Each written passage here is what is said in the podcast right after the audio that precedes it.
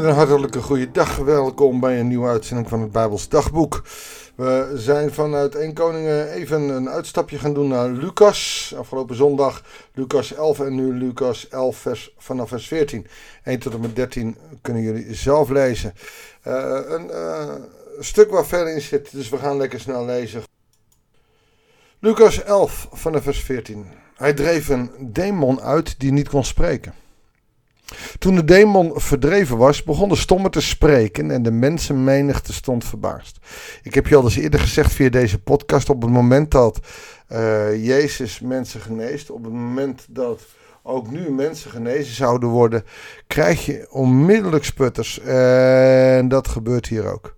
Want dan zien we, enkele van hen zeiden, dankzij Beelzebul, de vorst der demonen, kan hij demonen uitdrijven. En de anderen verlangden van hem een teken uit de hemel om hem op de proef te stellen. Maar hij kende hun gedachten en zei tegen hen: Elk koninkrijk dat innerlijk verdeeld is, gaat ten gronde. En huis naar huis stort in. Als ook Satan innerlijk verdeeld is, hoe kan zijn koninkrijk dan stand houden?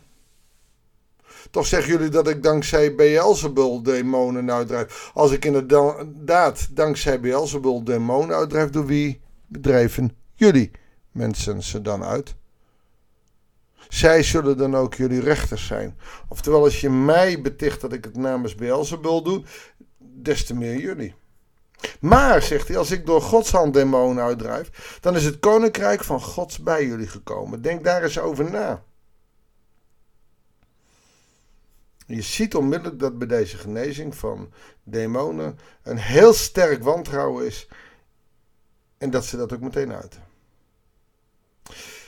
Hij geeft dan altijd weer een voorbeeld. Wanneer een sterk, goed bewapend man zijn domein bewaakt, dan zijn zijn bezittingen veilig. Maar zo gauw iemand die sterker is hem aanvalt en hem overwint, dan neemt de sterkere hem de wapenrusting waar hij op vertrouwde af en verdeelt hij de buit. Oftewel, hier doelt hij mee op zijn dood en de overwinning op de duivel. En Satan die Beelzebul uitstuurt voor demonen, weet je, die is overwonnen. En dan zegt hij ook heel sterk, wie niet met mij is, is tegen me. Wie niet voor mij is, is tegen mij. Dat is behoorlijk zwart-wit. Maar een grijs gebied is daar ook niet. En wie, wie niet met mij samenbrengt, drijft uiteen. Jezus stelt het hier ongelooflijk scherp. Als jullie denken dat ik het van Beelzebul doe, dan doen jullie dat ook zo. En dan is een grote puinhoop. Want jullie beweren dat zelf niet te doen. Als je dus voor mij kiest, kies dan ook radicaal voor mij. En doe dat dan ook goed. Wanneer een onreine geest iemand verlaat, trekt hij door dorre oorden op zoek naar rustplaats. Maar als hij die niet vindt, zegt hij: Ik zal terugkeren naar mijn huis dat ik verlaten heb. En wanneer hij terugkeert, merkt hij dat hij schoon schip is en uh, het hart dus van die persoon waaruit hij verdreven is op orde gebracht. Dan gaat hij weg, haalt er zeven andere demonen bij, slechter dan hijzelf, en ze nemen blijvend hun intrek. Zo is de mens bij wie een demon intrekt er tenslotte veel slechter aan toe dan voorheen. Wat zegt hij hiermee? Is dat je moet uitkijken dat als je genezen bent van demonen, dat je dan acuut vol moet zijn van de Heilige Geest. Want anders ben je niet beveiligd tegen demonen die terugkomen. Kijk, we moeten ons sowieso al niet bezighouden met demonen. Dat is niet handig. En als je dat wel doet, weet dan dat je op gevaarlijk gebied zit. En het jammer is dat je jeugd niet altijd kan beveiligen tegen demonische zaken. Films die ze kijken, uh, games waar ze mee bezig zijn, zijn soms zo demonisch belast dat, je, ja, dat ze hun hart openzetten. Ik probeer dat met jonge mensen wel te doen en te waarschuwen, maar ach, je weet hoe jonge mensen zijn. Ach, het valt wel mee, het moet kunnen en vervolgens doen ze dat zo. Als je dan ook merkt dat iemand demonisch belast is, dan moet je hem ook waarschuwen. Ik wil je reinigen, ik wil je in de naam van Jezus ook de demon uitdrijven. Maar weet dan wel, als je hart schoon is, dat ze graag terugkomen. Oftewel, je bent gewaarschuwd. Je kan alleen maar echt demonen uitdrijven als iemand bereid is om daarna zijn hele leven aan Jezus te geven en je hart helemaal vol te laten zijn door de aanwezigheid van Jezus, ofwel de kracht van Jezus, de Heilige Geest. En ik denk dat dat van enorm groot belang is.